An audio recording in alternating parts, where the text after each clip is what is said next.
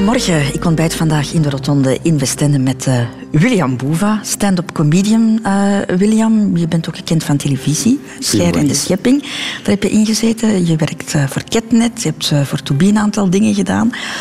Hoe hoog schat jij je bekendheid in, William, in Vlaanderen? Ah, oei, dat is al direct een moeilijke vraag, zoals morgens vroeg. Um, zegt jouw naam al iets, denk je, bij mensen? Misschien met een naam niet zoveel, uh, maar misschien de verschijning wel meer.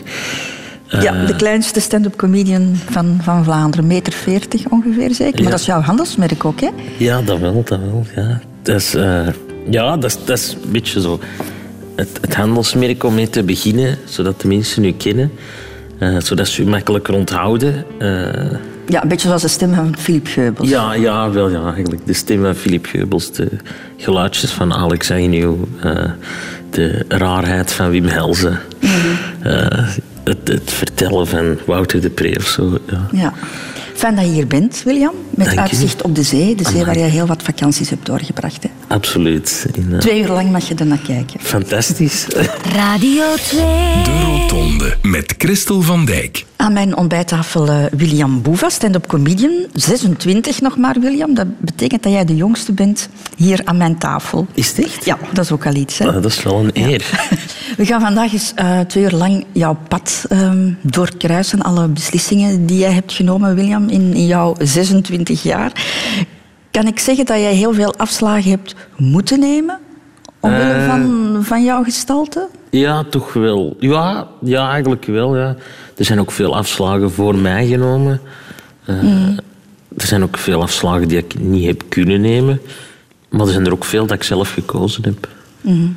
We gaan ze zo meteen even overlopen. Je leest niet graag, William? Heb ik gelezen dat jij niet graag leest. Met uitzondering van comics en Wikipedia-pagina's. Ja, Want die lees je wel graag. Ja, en jij hebt er ook één, uiteraard, op het internet. En daar staat dit op. William Boeva, Antwerpen, 6 november 1989, is een Vlaams stand-up comedian. In 2012 kreeg hij de publieksprijs op de Culture Comedy Award en haalde hij de halve finale van het Leids Cabaret Festival. Op 11 december 2012 won hij Humos Comedy Cup en in 2013 deed hij mee aan het televisieprogramma Scheire en de Schepping. Hij is ook terugkerende gast in Mosselen om half twee. Boeva heeft pseudo-achondroplasie. Die Wikipedia-pagina begint eigenlijk heel laat. Hè? Laat ons zeggen 2012, terwijl jij geboren bent in 89. Dus er zit een hele tijd tussen, jouw jeugdjaren, jouw, jouw tienerjaren, waar we niks over te weten komen. Maar jouw goede vriend Han Koeken, die heeft er natuurlijk voor gezorgd dat wij een alternatieve pagina hebben. William Boeva, geboren op 6 november 1989 te Antwerpen. Moeder Patsy spreekt met trots over haar kleine spruit. Heel klein was hij spierwit. Echt maar zo gelijk een, de, witte van zich. Spierwit en superschattig. Zo kan Hilde Klaas, mama van zijn twee beste vrienden, zich hem herinneren. Een heel grappig, schattig ventje. En hij rijdt dan zo op een, een klein fietsje aan die zijwielen. Zo'n ouderwets fietsje. Klein en schattig, zoals elke rechtgeaarde puber. Pas op drie jaar werd duidelijk dat William anders was, vertelt mama Patsy. Hij is ook heel gewoon geboren. Hij was 52 centimeter. En eigenlijk tot drie jaar was er eigenlijk niet veel te zien. Dus eigenlijk als kind was, uh, ja, was alles normaal, gelijk bij, bij een ander kind eigenlijk. Zijn beste vriend Stijn, die hij leerde kennen tijdens zijn jaarlijkse vakanties in Oostuinkerken, kon vaststellen dat William een vechter was. Hij werd er veel op gewezen dat hij gehandicapt was. Maar hij wou altijd kunnen bewijzen dat hij hetzelfde kon als iemand anders. Ook mama Patsy ondervond dat de kleine William best een mannetje kon staan. Hij liet de kaas niet van zijn brood eten, zo eigenlijk. Dat was wel... Want in school zijn ze ook eigenlijk was ze wel redelijk bazig over, met zijn vriendjes. Maar, maar zonder eigenlijk dat een bazig overkwam voor die andere kinderen. Bazige William had nog meer manieren om zijn zin te krijgen, weet vriend Stijn. Als William één ding goed kan, dat is dat babbelen. Hij is er ongelooflijk goed in en hij was er ook vrij goed in om, om mensen uh, rond zijn vingers te draaien. En dat maakte William ontzettend populair, bevestigt Hilde. Altijd vergezeld van een klot vrienden. Er waren altijd een massa vrienden bij. En die vrienden wisten allemaal dat je bij het voetballen beter met William in de ploeg stond. Vriend Stijn legt uit waarom. William zat meestal in de in de hol. Omdat hij niet zo goed kon wandelen. En ook, ja, hij is nogal gezet. Dus als hij in de hoofd stond, was de goal meestal gevuld. Ik kon niet echt, kon niet echt verliezen. Maar de mooiste eigenschap van topkeeper William is vooral dat hij gul is in zijn vriendschap, weet Stijn. William is een van de personen dat ik het meest vertrouw in mijn leven. Maar zoals het hoort, moeten echte vrienden elkaar af en toe eens durven treiteren. Vandaar voegt Stijn toch enige nuance toe aan zijn voorgaande lovende woorden. Het is een klein rotzakje. Het kleine rotzakje met de vlotte babbel zette op zijn twintigste zijn eerste stappen in de wereld van de comedy met een workshop. Maar de grote kentering kwam met die ene cruciale ontmoeting met de man die zijn carrière zou maken. Het grote voorbeeld, zijn mentor en guru Han Koeken. En de rest is history. Zo zet Han Koeken zichzelf ook eventjes in de bloemetjes. Maar het is wel zo natuurlijk. Hè. Het is wel de man die, die jou heel, heel erg geholpen heeft. Hè. Ja, dat, dat klikte direct goed met Han of zo. eh. Hij heeft, heeft me goed, goed op weg geholpen ook. Hij heeft me geregisseerd met mijn vorige voorstelling, nu ook met die nieuwe. Maar ook, ook meer dan dat. eh, ik ben, ik ben heel vaak te laat. eh, tot grote ergernis van Han en eh, Peter en Renate en, en alle mensen. Maar heb je dat dan ook nodig? Zo iemand die jou daarin een beetje begeleidt en, en, en, en een schop onder je kont geeft? Om op Ja. tijd te zijn, om, om, om, ja, om, om structuur te brengen in jouw Ja, leven. dat wel, dat wel. Ik heb dat wel echt nodig. Ik merk dat ook, ook mijn, mijn entourage ook, de mensen achter de schermen, Peter Rogiers en Renaat van Ginderachter, die, die moeten daar ook echt op hameren en die moeten mij echt, echt bij mijn schouders pakken en in de juiste gang duwen bijna. Want Hier moet je zijn, want anders denk ik, ga ik gewoon iets anders doen en ben ik... dan, dan kom ik iemand tegen en dan begin ik daarmee te babbelen en dan verlies ik het, het uur uit het oog of zo. En dan ben ik gewoon weer weg. Dan ben ik weer te laat ergens of zo. Dus ik heb dat echt wel nodig. William Boeva, stand-up comedian. Ik zeg het er nog maar eens bij. Hè. We gaan bij de, eerste, bij de eerste afslag van het leven beginnen. En eh, ja, dat is geboren worden. En vooral heel belangrijk is ja, de, de plek waar je geboren wordt, uiteraard. Hè. In wat voor gezin ben jij geboren? Kan je dat omschrijven? Eh, wel, van de geboorte zelf weet ik niet zo heel veel meer van. Eh, maar ik weet wel dat ik opgegroeid ben in een... Eigenlijk wel een, een, een speciaal gezin, denk ik. Maar wel een, een warm nest. Eh, Een warm nest, maar niet alledaags. nee, dan- en waarom niet? Eerst en vooral, mijn, mijn ouders, hun leefwerelden waren, waren totaal verschillend. Eh, mijn moeder heeft van opleiding academie gedaan, eh, kunsten, en mode. En, en mijn vader is eigenlijk boekhouder. Dat zijn geen twee werelden die naast elkaar liggen, maar toch zijn die elkaar tegengekomen tussenin.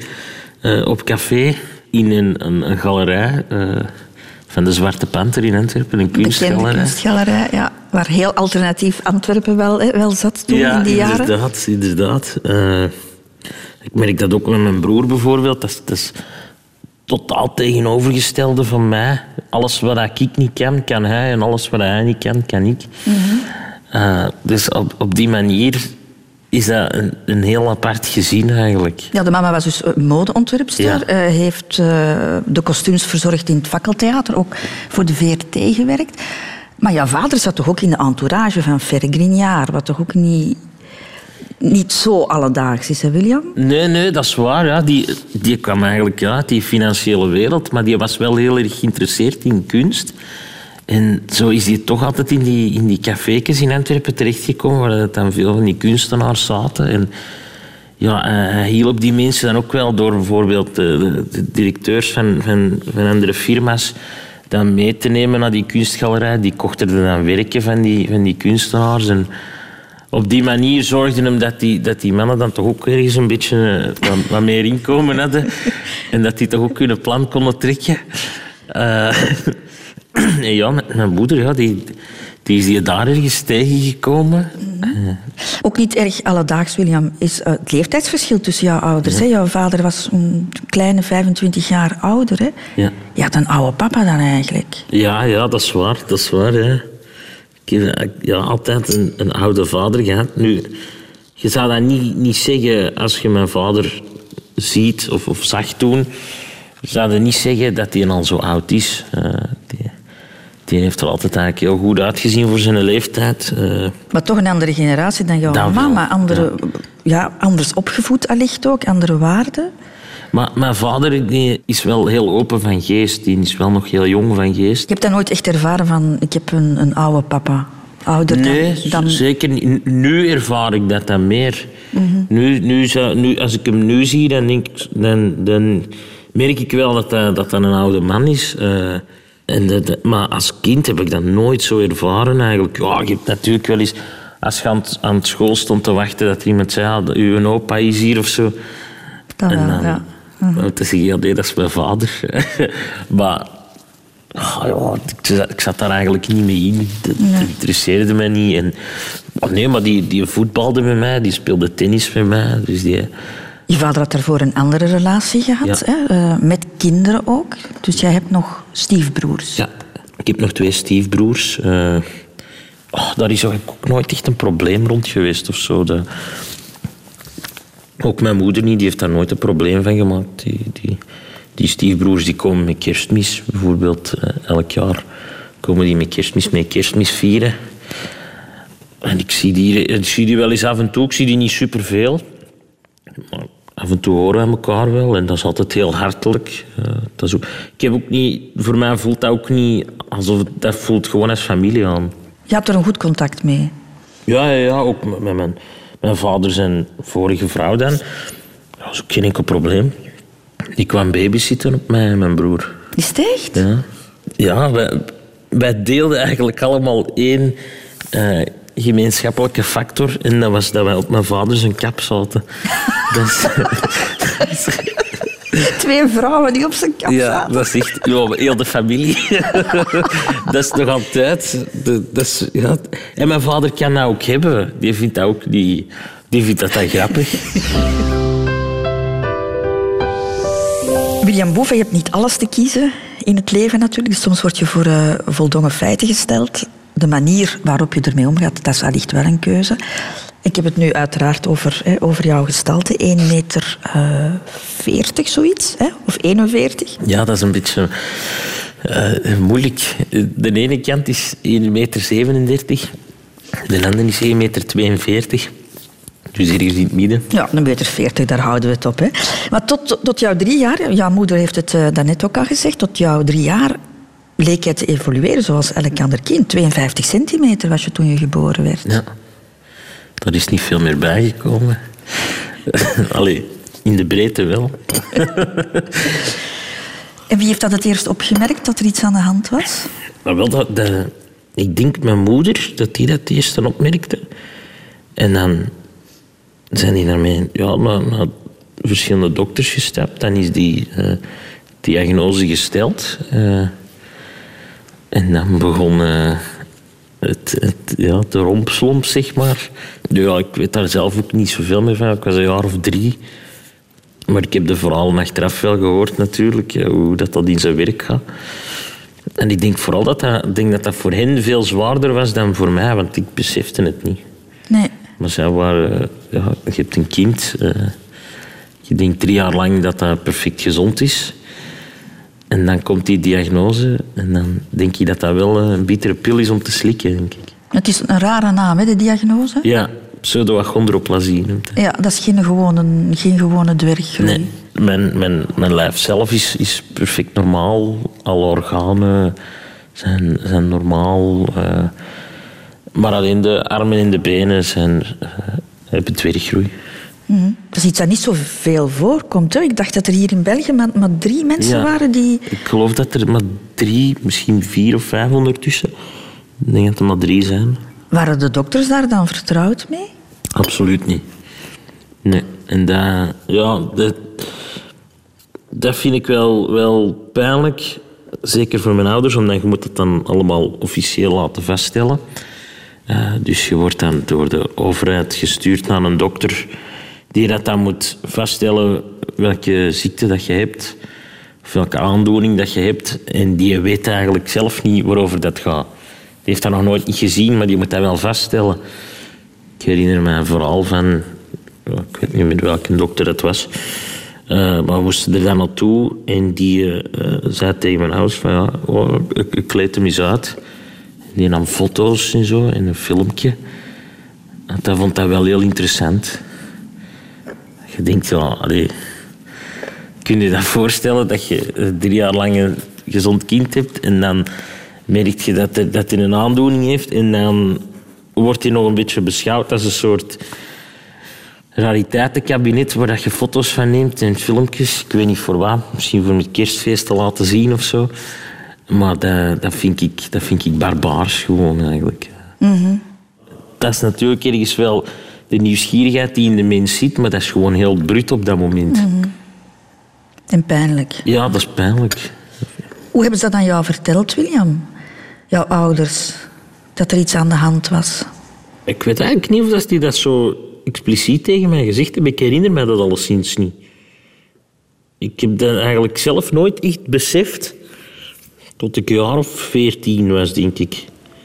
Heb ik dat nooit echt beseft dat er iets, iets anders was. Je had wel je beperkingen, maar ik stond daar niet bij stil. Dat was ook nooit een probleem. Ik denk dat mijn ouders veel schrik hadden voor, voor de reacties op de, op de lagere school. Maar die waren eigenlijk veel positiever dan in, in, in het middelbaar. Op de lagere school heb ik nooit iets gemerkt van dat, ik- dat, mijn, dat mijn handicap dat dat iets negatiefs was. Eh, Dat heb ik pas gemerkt op, in het middelbaar. Dat dat, dat dat een beperking is. In de lagere school, oké, ik kon mijn boekentas niet dragen.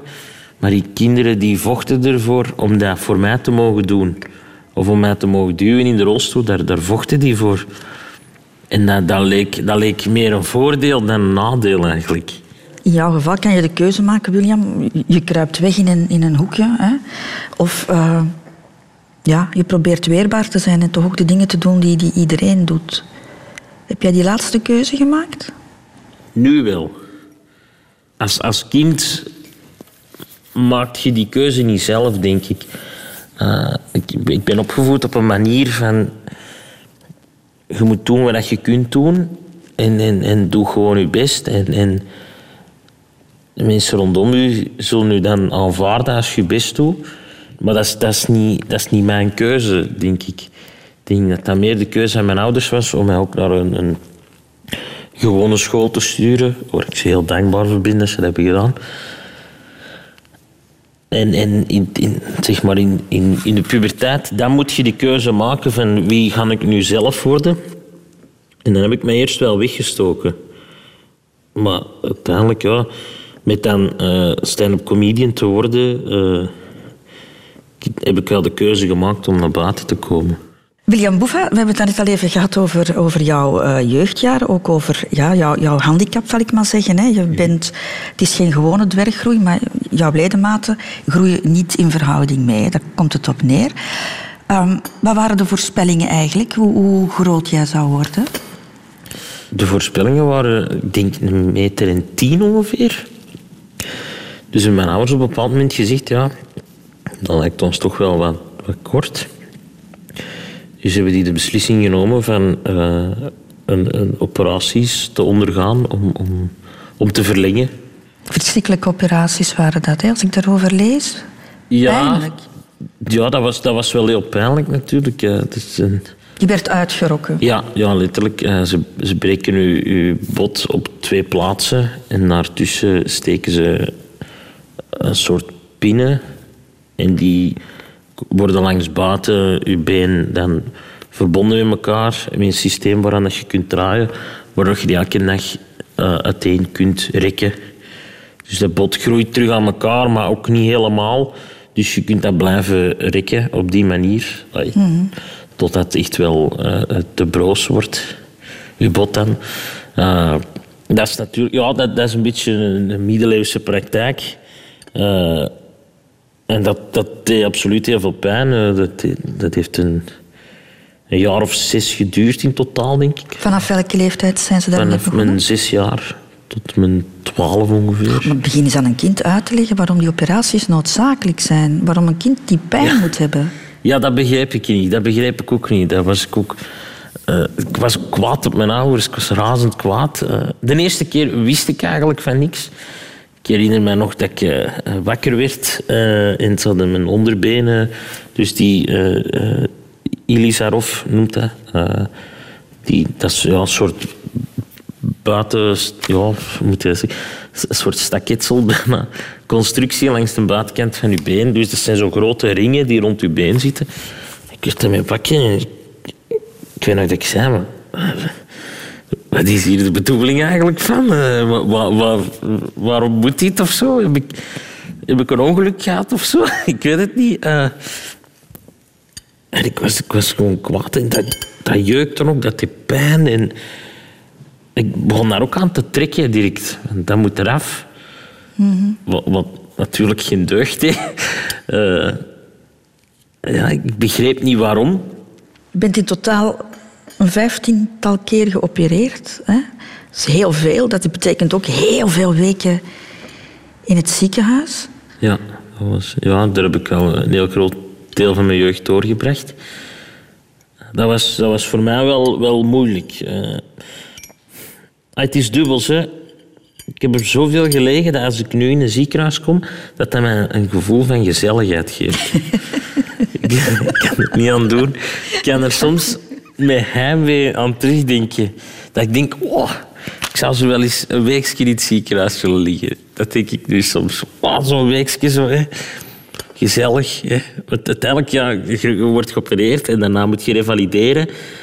En, en ja, je krijgt wel, wel veel pijnstillers en zo. Dus, dus na, na een aantal weken zijn er wel terug op je positieve. Ja, maar toch, ik, ik herinner me, ik was ook zes jaar, ik heb drie weken in het ziekenhuis gelegen toen. En ik herinner mij hoe eenzaam ik mij daar voelde. Hoe was- Ja, eenzaam voelt je wel natuurlijk. Ik, ik lag ook in een ziekenhuis in, in Namen.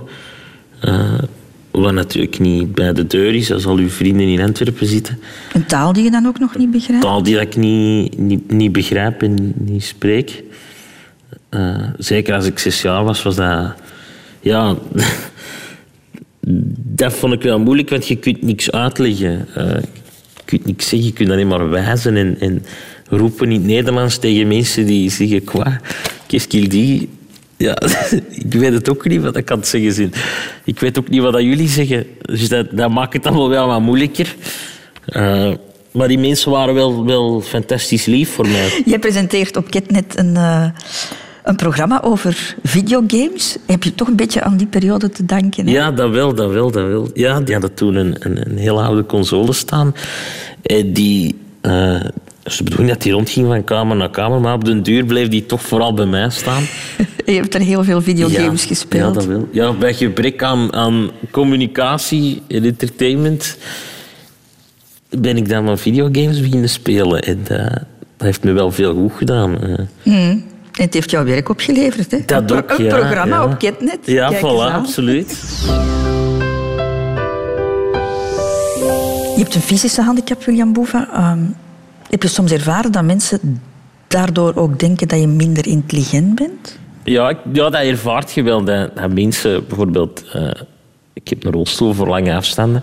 Als je dan iemand tegenkomt, dan vraag je die aan de persoon die aan het duwen is, hoe dat met hem is. Ah ja.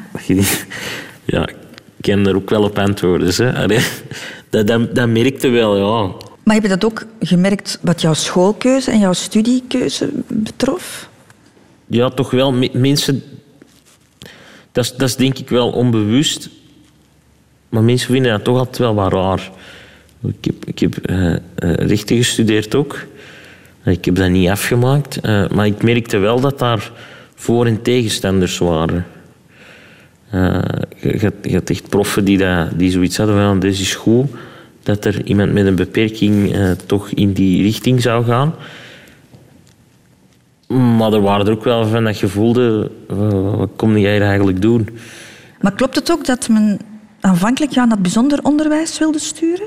Dat was de raad die mijn ouders meekregen. Ja. Ik weet niet meer wie dat was. En die zei, och, stuurt die jongen toch, laat die schoenmaker worden of zo. Ze zetten die wel op een bankje en dan zie je dat niet meer. Ik vind dat heel erg, want mijn ouders zijn daar niet op ingegaan. Maar je- weet dat er sowieso wel mensen zijn die, die zoiets hebben van, die dokters zullen wel het beste voor hebben. Dus ja, laat ons, laat ons zullen wij die naar, naar, naar bijzonder onderwijs sturen of zo. En dan denk ik, ja, dat vind ik zonde. vind ik gewoon zonde van, van talent en van kennis. Om dat zo verloren te laten gaan. Het is als- zonde met iemand die, die mentale capaciteiten heeft om die tot zijn 21 jaar te laten schilderen of, of te laten kleuren, terwijl dat hij zoveel meer zou kunnen. Dat, daar zit de beperking dan vooral in, denk ik. Dus je, je houdt die, die kinderen dom. Dus je had eigenlijk geluk dat jouw ouders daar niet Ja. in, in meegegaan zijn en Die dat, dat die wel jouw intellectuele capaciteiten Die hebben daar ook altijd voor gevochten dat ik zeker naar een gewone school zou kunnen gaan. En ik begrijp dat die, die, dat die grens heel moeilijk is. Hè. Ik bedoel, ik, bij mij was het een fysieke beperking die ook nog wel meeviel. Ja, je moest toch wel een beetje rekenen op de goodwill op school Ja, ook. Hè? Want Dat zijn er altijd. Je is altijd wel afhankelijk van de goodwill van mensen. Dat is, dat is wel heel frustrerend. Ja, zeker op school was dat zo. Ja. Daar is het ook eh, misgegaan op een bepaald moment eh, in, op, school. Ik zat op eh, de middelbare school en dat was op Sint-Jan, op de Meer. Dus het gebouw heeft vier verdiepen. En het eerste en het tweede verdiep, dat is de lagere school. En het derde en vierde is het middelbaar. Eh, in de lagere school ja, mocht ik altijd op een klas op gelijkvloers. En in het middelbaar ook. Eh, dan maakte de lagere school een van die klassen vrij en dan mochten wij daar zitten. En plotseling was dat niet meer mogelijk. Dus ik had aan de lagere school gevraagd: van, is er een probleem of zo? Oh ja, nee, nee, we willen wij gerust een klas vrijmaken. Maar die van het middelbaar hadden gezegd dat dat niet meer nodig is. Dus plotseling moest ik altijd naar het vierde verdiep. Er was geen lift meer. Eh, dus ik moest altijd de trappen doen. En dat is, eh, dat is misgelopen. Ik een aantal keer eh, door mijn knie gegaan. Eh, ik heb dan een paar maanden thuis gezeten. Ja, op den duur ook eh, gaat het daar mentaal wel aan onderdoor. Omdat ja, er komt gewoon geen, geen hulp. Niks. Is, allee, zelfs het, het CLB op die moment ook, die, die boden geen hulp. Het enige wat die zeiden was, eh zou het niet nog eens proberen? Eh, Ja, wat te proberen? Om, om terug hetzelfde te doen, dat gaat niet. Als er geen oplossing komt, dan moet ik gewoon iets anders zoeken. En dan ben ik uiteindelijk naar, eh, naar de DAMS gegaan, de dames, het christelijk onderwijs. En die hebben mij met open armen ontvangen. eh. En, en dat, was, dat was daar ook roeien met de riemen die, de- die er waren. Hè. Die hadden ook niet, dat, dat gebouw was ook niet aangepast voor een rolstoel of weet ik wat. Maar die deden wel hun best. En dat was het verschil. Want je bent dan, zoals je zei, maanden thuis eh, gebleven. Je wa- Je was door je knieën gegaan omdat je die trappen niet aankon. Maar ben je thuis gebleven omwille van eh, de, de, de, de, fysieke pijn of ook omdat je er mentaal onderdoor ging? Ja, allebei. Ik moet, aanvankelijk zit je met de fysieke pijn. Maar dat, op dat moment voelt je ook gewoon hulpeloos. En denk je van, ja... eh, wat, wat doe ik verkeerd of zo? Eh, En dan ben je even gecrashed. ja, toch wel. Toch wel eh. Dat was even... eh, eh, ja. ja, dat was even inderdaad een, een crash. Ah ja. Op die moment besefte ik echt dat je een beperking hebt. Maar de meisjes op de dams, die hebben jou er bovenop geholpen. Het is een meisjesschool hè, toen, vooral. Hè? Ja. Allee, het was al gemengd toen, hè, maar ik denk dat we in heel het middelbaar met een jongen of acht waren. op, op 400 meisjes of zo, dus dat was, eh, dat was, dat was wel speciaal. En jouw kinderen, kan ik me voorstellen dat je er wel voor gezorgd hebt dat je daar ongelooflijk verwend werd. voilà. William Boeven, na je middelbaar, eh, wou jij, of ben jij rechten gaan studeren? Daar hebben we het al even over gehad. Wat was jouw plan eigenlijk? Ik wou eigenlijk notaris worden. Oh, Ja. Maar dat ben je niet geworden, want na drie jaar ben je met die rechtenstudie gestopt. Ja, inderdaad. In mijn derde jaar ben ik gestopt om eh, comedian te worden. Was dat een weloverwogen beslissing om, om te stoppen? Ja en nee. Ik zat er al wel een tijdje mee in mijn hoofd. Maar de keuze was wel snel gemaakt. Ik heb er gewoon lang mee gewacht om de knoop door te hakken. Eh, omdat dat was ook gewoon wat ik wou doen. Ik was ook niet meer gemotiveerd. Omdat ik zoiets had van... Ja, ik ben iets aan het doen dat ik veel leuker vind. En, en waar ik, dat meer mijn passie is dan, dan, dan jurist te worden of zo.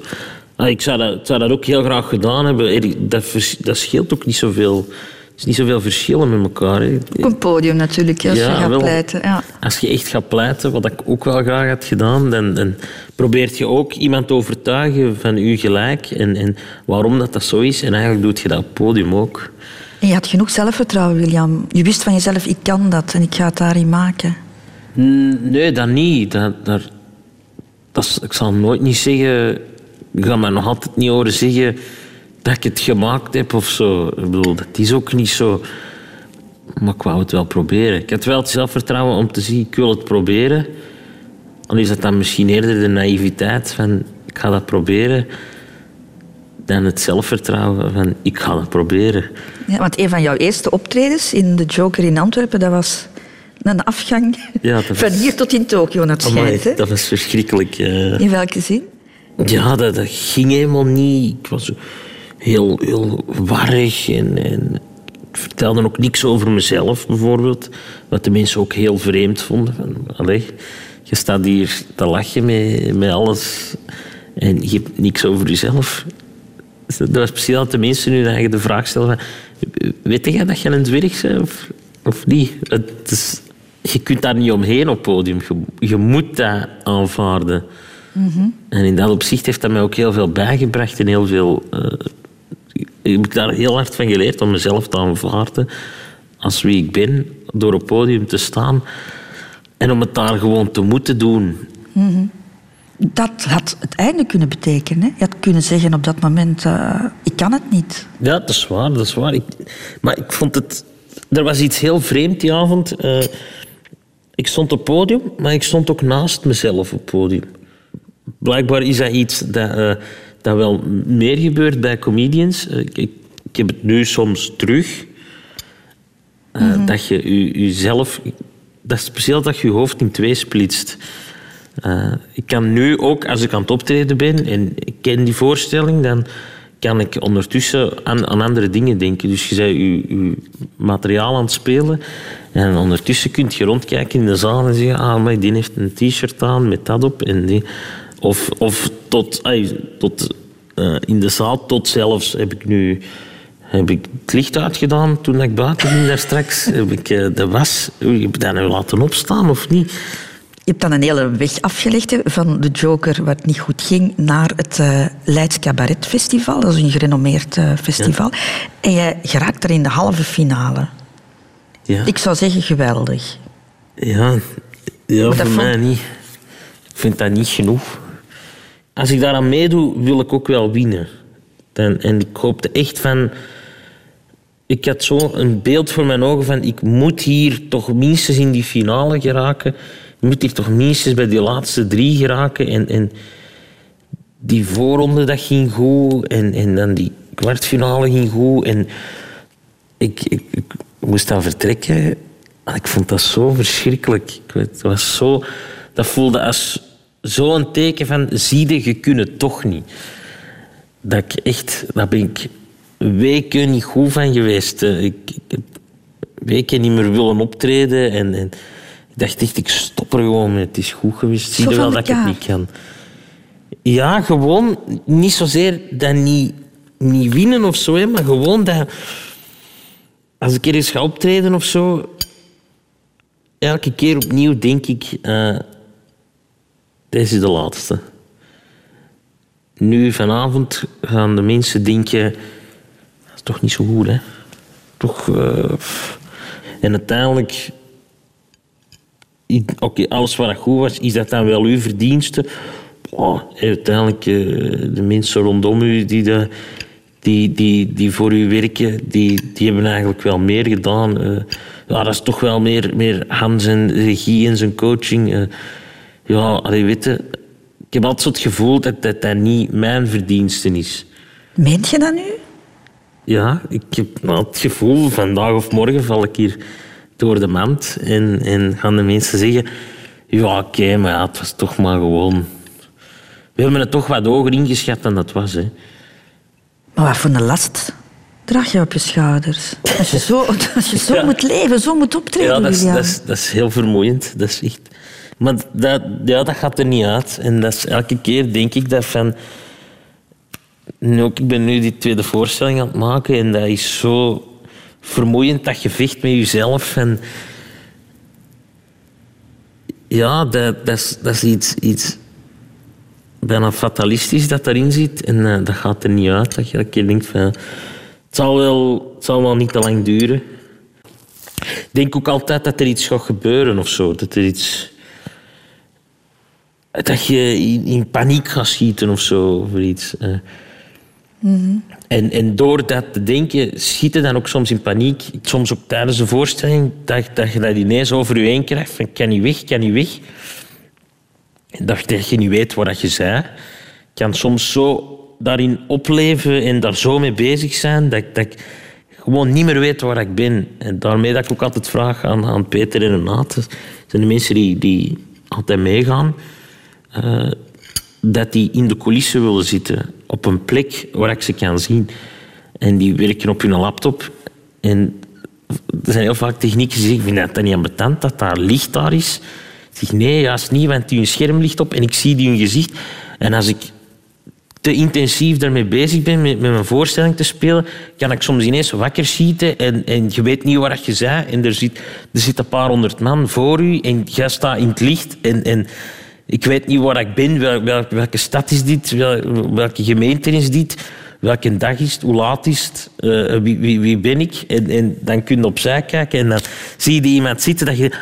Oef, oef, ja, oké, wacht, eh, ik ben daar. Het- het- dat, dat, dat, is, dat is Peter of Renate. En, en, je kunt dat niet, dat is precies dat heel je lichaam van lood wordt. Maar je moet door blijven spelen. Je moet, je kunt niet stoppen. Er zijn echt momenten dat ik denk, ik ga nu zeggen dat pauze is. Terwijl er is helemaal geen pauze in die voorstelling, maar ik ga zeggen dat pauze is. Want ik moet, moet, even, moet even weg. Wow. Ja, dus, dus, dus, ik heb het nog nooit moeten doen. Hè. Ik heb nog, maar ik heb schrik voor de dag dat ik, dat ik het wel moet doen. Dat ik het moet stilleggen. En dat is gewoon even schrik. Ik weet niet van waar, maar dat is gewoon even, even in paniek. Gewoon. Zullen we het eens hebben over de liefde, William Bova? Ja, ja sowieso is, is eh, liefde eh, eh, iets, iets heel moeilijk, vind ik. Haat en liefde ligt ook echt heel dicht bij elkaar, denk ik. Eh, maar ik merk dat in, in alles. Ik kan, de mensen dat ik heel graag zie, kan ik ook het allerhardste haten. Eh, kan ik zo verschrikkelijk kwaad op zijn. Als, als, als er iets, iets... Ja, ik weet niet. Heeft dat te maken met die uitspraak die je ooit gedaan heeft, hebt? eh, liefde is de ander de wapens geven om jou kapot te maken? Ik, ik denk dat wel. Ik- voor mij is dat wel liefde dat je je, volledig kunt blootgeven en, en zeggen wat dat je pijn doet, wat dat je echt verschrikkelijk vindt. En dan weet die andere persoon ook dat moest hij iets, iets willen aandoen, weet hij ook waarmee dat hem het meeste pijn kan doen. En dat bedoel ik niet fysiek, maar, maar mentaal. Of, of, of- ik denk dat dat wel een vorm van liefde is. Ik vind dat een soort overgave van, ja, zie, als jij dat doet, daar zou ik echt kapot van zijn. En dat, op die moment zeg je dat om dat te voorkomen, maar tegelijk weet die andere persoon dan ook waarmee dat hem zou kunnen kapotmaken. En dat is toch een, een vorm van vertrouwen, denk ik. Een, een vorm van liefde. Heb je al veel liefdesverdriet gehad, William? Ik heb eh, ja, toch wel wel wat liefdesverdriet in mijn leven, in mijn leven gehad. Eh, zeker als, als puber, als, als jongvolwassene, eh, was dat wel wat te moeilijk. Ja, ik merk dat dat, dat nu minder een probleem is dan, dan vroeger. Dat heeft natuurlijk te maken met als, als, ja, als je jonger bent, zijn gewoon uit op andere dingen. Je- zoekt je in, in je partner iets helemaal anders. Eh, Uiterlijke kenmerken zijn veel belangrijker dan, dan innerlijke kenmerken. En ik merk dat dat, dat, dat, dat, wel in mijn nadeel speelde. Maar dat dat, dat, dat op latere leeftijd... Allee, voor zover dat ik dat ondervonden dat dat wel verandert. Dat, mensen daar minder mee bezig zijn. Eh, dat meer gaat over een klik met iemand hebben dan, dan over... Ik vind die fysiek aantrekkelijk. Of zo. Maar jouw fysiek heeft wel in jouw nadeel gespeeld. Ja, absoluut. absoluut. De- vrouwen zijn altijd wel aangetrokken geweest tot mij, maar tot op een zekere hoogte, tot op een zeker niveau, tot in echt heel, heel, heel dichtbij staan en dan beseffen, ah ja, maar die heeft ook gevoelens gelijk een andere mens en oei, dat wordt hier, eh, dat, dat, dat, dat evolueert hier naar iets anders. Ja, en dat zie ik niet zitten, dus dat dan terug afblokken. En dat is wel, dat is wel heel pijnlijk natuurlijk. Dat je Ja. denkt, als dit twee zeg maar, normale mensen zouden zijn, zou iedereen zeggen, ja, het eh, evolueert richting een, een relatie of zo. Je hebt al, die, je- al de stappen daarvoor doorloopt je en op een bepaald moment houdt het gewoon op. En dat is wel pijnlijk. Maar heb je dat ook ooit begrepen? Ik begrijp dat wel, ja. Ik begrijp dat. Op die moment begrijp je dat niet, maar achteraf begrijp ik dat wel. Eh, er zijn ook al, al vrouwen dat hebben toegegeven aan mij. Van, ja, achteraf, hè, ja, toen kon ik dat gewoon niet. Omdat je bent met zoveel andere dingen bezig en je denkt, van, ja, wat gaan mijn, gaan vrienden zeggen, wat gaan mijn ouders zeggen, wat gaan mijn familie zeggen. Uiteindelijk eh, heb je een relatie met iemand die een beperking heeft en, en de eerste reflex van elke ouder is... Je wilt het beste voor je kind. Dus je denkt altijd van... Ja, zet nu niet je, je eigen leven aan het beperken... door, door met zo iemand samen te leven. Zo iemand, dat, ja, Ja. dat klinkt zo. Ja. Ja, dat, dat klinkt bruut, maar dat is wel zo. Dat is waar elke ouder aan denkt. Gewoon, als mijn kind maar het allerbeste heeft. Je hebt relaties gehad met, met, met vrouwen.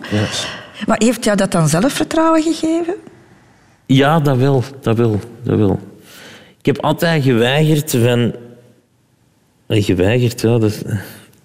Ik heb altijd zoiets gehad van... Ja... Je hebt heel vaak mensen die tegen me zeggen... Ja, zou je niet iemand zoeken hè, van, van, van je eigen lengte of zo? Hè? Maar dat vond ik zo... Ik heb het daar moeilijk mee. Omdat dat, dat, dat, dat is mijn koppigheid. Dat ik zoiets heb van... Nee, nee, nee. Nee, nee, nee. Ik kan dat niet... Zo, dat ik samen zou zijn met iemand die ook dwerg heeft. Oh man, ik moet er niet aan denken. Gewoon omdat je weet dat je over de straat zou lopen en dat de mensen zeggen... Schoon, hè? Schoon, hè, zeg. Zo twee dwergen bij elkaar. Oh, dat vind ik nou echt... Daar krijg ik het warm van van binnen. Dat ik denk, oh, daar walg ik zo van gewoon. Die gedachte van, dat is, ah, dat is hoe dat moet zijn, zo. Die lijn van, ja, dat moet... dan mag iemand die zwart is ook alleen maar samen zijn met iemand die ook zwart is of zo. Of, of iemand van, van Aziatische afkomst ook met iemand van Aziatische afkomst. En waar eindigen we dan? Snap? En dat vind ik... Dat, kan, kan ik niet meer leven gewoon. hè. De relaties die dat ik gehad heb, was ook waren ook altijd gewone vrouwen. En dat was voor mij zoiets van... eh, zie je wel dat dat kan? Zie je wel dat dat, dat, dat, dat, dat, dat, overwinnelijk is. Dat dat, dat, dat, dat dat maar een detail is in, in, in wie dat je zei. Dat dat, dat, dat, niet, dat dat niks hoeft uit te maken. En, en je hebt zo het, het vooroordeel van ja, iemand eh, met een beperking die zijn, zijn vrouw of, of man ja, dat zal wel een bepaald type persoon zijn. Hè, en, en dat zal ook wel niet eh, eh, de, de, de, de knapste of zo zijn. En dan heb ik zoiets van... Ik, ik heb relaties gehad met vrouwen die dat, waarvan je zou zeggen... Dat, dat, dat kan niet. Maar effectief, als ik daarmee ergens kwam... dat mensen naar, naar, naar ons toe kwamen en zeiden... Is, is dat uw vriendin? Terwijl dat zouden niet vragen aan iemand anders. Maar aan mij komen ze wel vragen, omdat ze het gewoon niet geloofden. Van, dat, dat kan toch niet? Dat, dat kan toch niet dat zo iemand zo'n vrouw kan krijgen? En dat voelde wel als een overwinning. Ja, dat wel. Ik zoiets van... Het, Het Als je met een vrouw bent van normale lengte, dan voel jij je beperking minder. Nee, dan... dan, dan minder is, is, is niet het juiste woord. Ik bedoel, je voelt nog altijd die beperking hetzelfde. Maar dat is zo'n soort dingen van... dat klinkt nu super arrogant, hè, maar mijn eh, innerlijk is goed genoeg om dat te overwinnen. Voor die vrouw ben ik, zelfs zonder een aantrekkelijk uiterlijk, toch aantrekkelijk genoeg om een relatie mee te hebben. En dat vind ik... Ja, ik, weet niet hoe dat, dat komt, maar dat, dat geeft mij wel een gevoel van voldoening. Van, eh, dat, dat, dat is precies alsof dat je iemand die een marathon loopt, maar ik doe hem op één been. En toch haal ik dezelfde tijd als jij over, voor diezelfde marathon. We finishen tezamen, maar ik heb maar één been. William Boeva, jouw eerste show, jouw eerste voorstelling ehm, heette Megalomaan. Ik heb de voorstelling gezien, was heel erg goed. Ehm, maar je hebt er wel de keuze gemaakt om met jezelf te lachen Ja. in die voorstelling. Dat is iets waar ik gewoon niet rond kan. En ik, ik zie mijn, mijn voorstellingen ook als... eh, gaan nu heel- misschien heel, heel raar klinken, hè, maar voor mij werkt dat zoals de, de zeven ringen van de hel. Eh, ik ben begonnen in het midden en daar sta ik. En nu gaan we naar de volgende cirkel. En zo breiden we altijd maar verder uit, totdat uiteindelijk dat we niks meer in, die, in dat centrum te doen hebben, maar dat we gewoon al zo ver ervan zitten dat ik het over alles kan hebben. Ik merk gewoon dat dat nodig is voor, voor, voor de mensen ook. Ik, eh, heb die eerste voorstelling gespeeld, die, die draait vooral rond mezelf. Eh, ik lag er heel vaak met mezelf. Al is dat ook niet helemaal. Eh, maar dat zal ik ze niet uitleggen. Maar ik merk wel, als ik nu terug op het podium kom en ik vertel andere dingen, mensen vinden het allemaal grappig, maar vanaf dat ik het nog maar ergens in de buurt van een grap over mijn lengte kom, dan ontploft de zaal. Gewoon omdat je voelt dat de mensen... Dat is wat ik doe. En mensen verlangen daar echt naar. Van, ik kom op het podium en je, je voelt gewoon die spanning van... Oh, ik hoop dat hem een, een dwergengrap gaat maken. Want in het begin deed je dat niet, hè? Nee, totaal niet. Je hebt En- een voorstelling gemaakt waarin, waarin je niet sprak over je lengte. Ja, ja. Al die voorstelling, dat was een, een, een tien minuutjes. Dat was zo mijn eerste eh, comedy setje, zeg maar. En daar deed ik er totaal niks over. En de mensen waren echt zoiets van...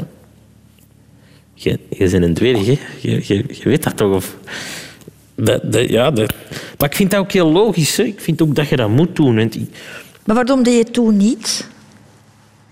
omdat ik er toen niet echt klaar voor was om dat te doen. Ik stond er ook niet zo bij stil. Met, met op het podium te gaan staan, met, met comedian te worden, met, met andere comedians te spelen, ben ik pas eigenlijk echt gaan beseffen wat het is om, om, om een beperking te hebben. In, in dat opzicht is de comedywereld is dat gewoon bikkelhard. Dat eender welke eigenschap dat je hebt, persoonlijk, fysiek, noem maar op, dat maakt niet uit. Je gaat erop gepakt worden. Je gaat er gewoon, en ze gaan er gewoon keihard op duwen en op hameren totdat de, de nagel er volledig door zit. Comedy is, is gewoon keihard op dat vlak en, en je wordt daar hard van en je leert daar een, een schild voor, voor mee, mee opbouwen. En, en Maar dat betekent dat wel dat je met jezelf moet lachen. ja, ja, ergens wel. Maar ik vind dat ook wel normaal. Ik vind als comedian is het je taak om, om, om de dingen te relativeren en om, om de pijnlijke punten aan te wijzen. Maar ik vind dat je dat eigenlijk pas mocht doen als je ook kunt aantonen dat je jezelf ook wel kunt relativeren. Kan je met jezelf lachen, William, als je jezelf nog niet aanvaard hebt? In het begin was dat wel moeilijk, ergens. En, en kwam dat ook geforceerd over, denk ik.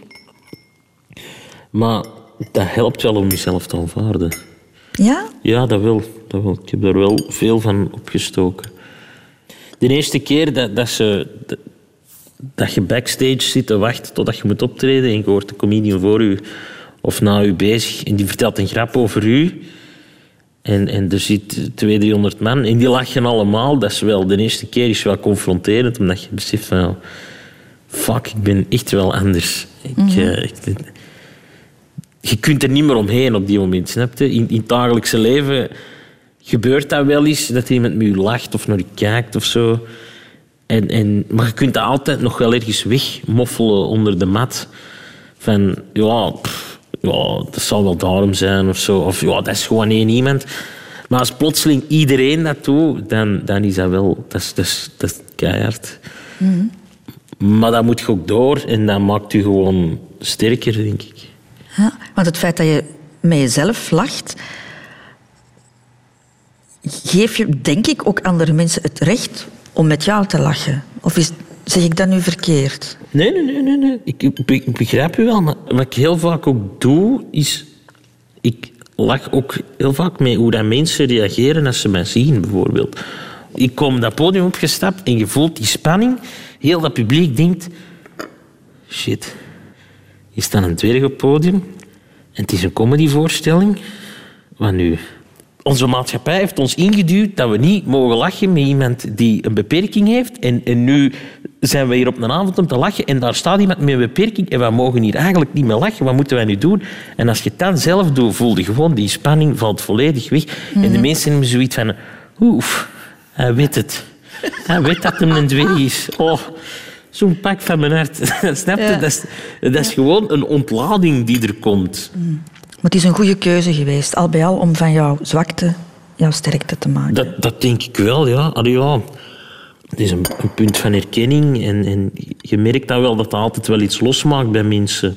Maar ik hoop wel op een bepaald moment dat mensen er ook wel voorbij kunnen kijken. Eh, en, en zien dat, dat ik misschien wel meer kan dan dat. William Boeva, we zijn al aan de allerlaatste afslag toe Is van het leven. Ja, en dat is ook een Spijtig. afslag die je niet te kiezen hebt. Doodgaan. Ja, ik ben nog maar 26, dus dat lijkt nog heel erg ver af. Hè? Ja, ik weet niet. ja, ik denk er toch wel dagelijks aan. Meen je dat? Ja, ik heb daar wel moeilijk mee of zo. nee. Je, je weet dan niet hè, wanneer het gaat gebeuren. En dat vind ik er zo moeilijk aan of zo. Er is geen voorbereiding op. Je weet niet wat er gaat gebeuren. En hoe denk je daar dan aan? Gewoon dat flitst even door mijn hoofd van dat kan gebeuren. En, en ja, gewoon. eh. Ik vind dat een hele vuile gedachte. Dat dat moet. Dat dat moet gaan gebeuren. Dat dat, moet, dat dat ooit gaat gebeuren. En zoals je het nu vertelt, heb ik de indruk dat je er ook schrik van hebt. Ja. Ja, ja, dat wel. Ik, eh, ja, ik heb er wel schrik van. En, en waar heb je precies schrik van? Ik hoop gewoon dat ik dat ooit ga aanvaarden. Ik vind dat heel vreemd. Ik, ik zat over laatst met een, een, een, een vriendin van mijn moeder in de auto. En eh, die vrouw is al wat ouder. En die zei tegen mij... Oh, ik heb geen schrik om dood te gaan. En ik dacht bij mijn eigen... Hoe je er geen schrik van? Ik kan dat nu niet vatten dat hij er geen schrik van heeft. Maar ik hoop dat ik dat wel ooit ga vatten. Dat ik ooit ga kunnen zeggen... Ik heb er ook geen schrik van. Ik heb er geen schrik van. Voor mij mag het. Het klinkt misschien cru, William, maar ik bedoel het niet zo. Ehm, maar heb jij een even grote levensverwachting dan, Eh, dan ja, wij? Ja, ja, dat wel. Aangezien dat enkel mijn ledematen zijn, heb ik... eh, mijn, mijn organen zijn allemaal normaal. Dus dat is al, eh, al een geluk. Je hebt nog wel wat te gaan dan, hè? Ik hopelijk, hè. Hopelijk, hè. Heb je al afscheid moeten nemen, William?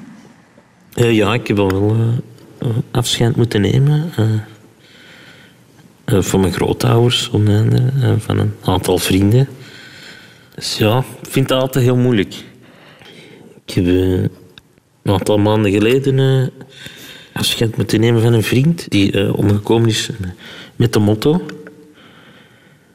En dat was heel, heel moeilijk. Omdat dat was iemand waarmee dat ik in mijn puberteit samen videogames speelde online. Die jongen woonde ook in Aalst. Ik in Antwerpen. Eh, ik heb die niet zo vaak gezien in het echt. Een keer of vijf, zes. Eh, maar we babbelden wel dagelijks. eh, online. En we speelden Counter-Strike. Dat is een schietspeltje met vijf. We hadden een vaste ploeg van vijf mensen. En ja, dat is heel vreemd. Voor heel veel mensen klinken online videogames als... Ja, dat zijn allemaal eh, gasten die op elkaar liggen te schelden en dat ze elkaar doodschieten en zo. En, en dat is allemaal, allemaal niks. Maar op die moment had ik niet zoveel vrienden op school. En, en je hebt dan die vaste ploeg en je speelt elke dag samen. Je babbelt elke dag samen. En je, dat, er je creëert wel iets. Je creëert een soort groepsfeer.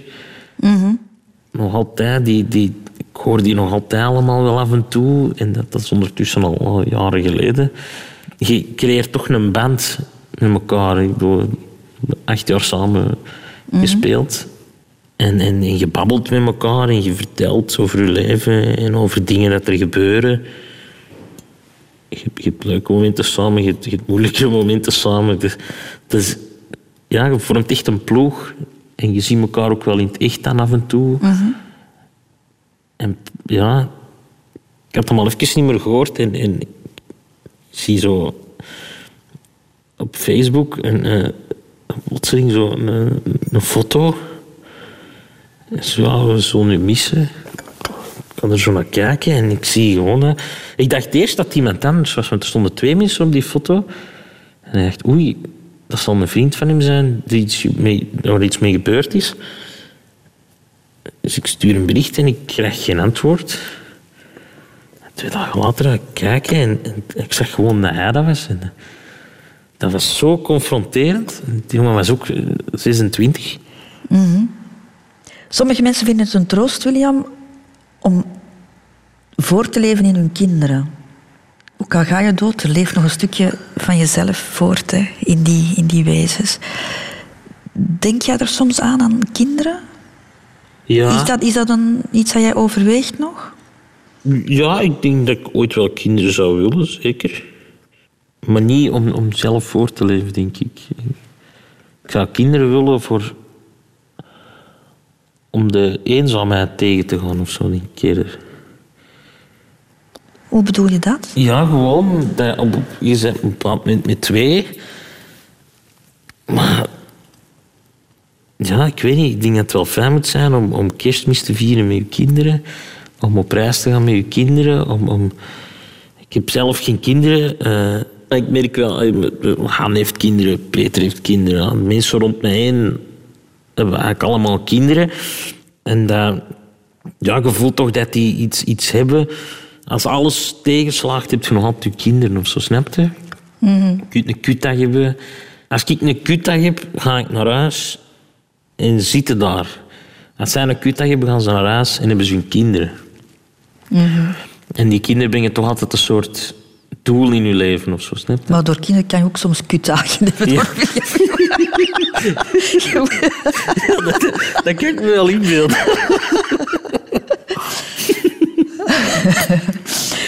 maar is er kans dat jij je beperking doorgeeft? Ja, ja, die kans is er wel, absoluut. Maar dat, dat kun je wel laten op voorhand denk ik wel vaststellen. Maar dat zou jou niet tegenhouden. Nee, dat zou me niet tegenhouden. Pas op, het- als je kunt kiezen, zou, ik- zou ik het wel, zou ik ze, Allee, ik zou mijn kind niet, als je het op voorhand weet, zou ik het niet, ik zou het mijn kind niet willen aandoen. of zo. Ja. Het is toch, het maakt het niet makkelijker. Eh de andere kant, als je het niet weet, oké, ik zou. Uh, allee, ja. William Bova, toch ook even naar de toekomst kijken. Hè? Binnenkort première van jouw tweede show. Inderdaad. Reset. Ja. En, klaar al? Eh, ja, ik ben nog niet helemaal klaar. Ik moet nog wel wat, wat, wat doen eraan. Allee, ja, je, bent- je bent nooit echt volledig klaar, denk ik. Eh Nee. blijft altijd zo wel... eh, dat je denkt, gaat het nu wel goed genoeg zijn of niet? Eh, ja, 10 en 11 maart is het zover, in geel. Ja, het gaat wel spannend worden. Ik nodig mezelf al uit. Ja, zeker welkom. Voor u is er altijd een stoel vrij, Christel. Dankjewel, William. Dankjewel ook om naar hier te komen. Ik vond het eh, heel fijn praten. Ik heb jou heel goed leren kennen. Fijne, fijne man, kwetsbare man ook wel. Hè. Maar heel, heel leuk. Eh, bedankt dat je dat wou doen. Bedankt nog, dat ik mocht komen. nog eventjes iets in mijn gastenboek Oké, schrijven. dat is goed. Liefste Christel, bedankt voor de heerlijke ontvangst in de rotonde en het zalige eten. Ik vond het een hele eer om te gast te mogen zijn in dit fantastische programma. Ik ben heel veel te weten gekomen over mezelf en de heerlijke Noordzee was daarvan getuige. Hopelijk was het voor jullie even leuk als voor mij. William Boeva.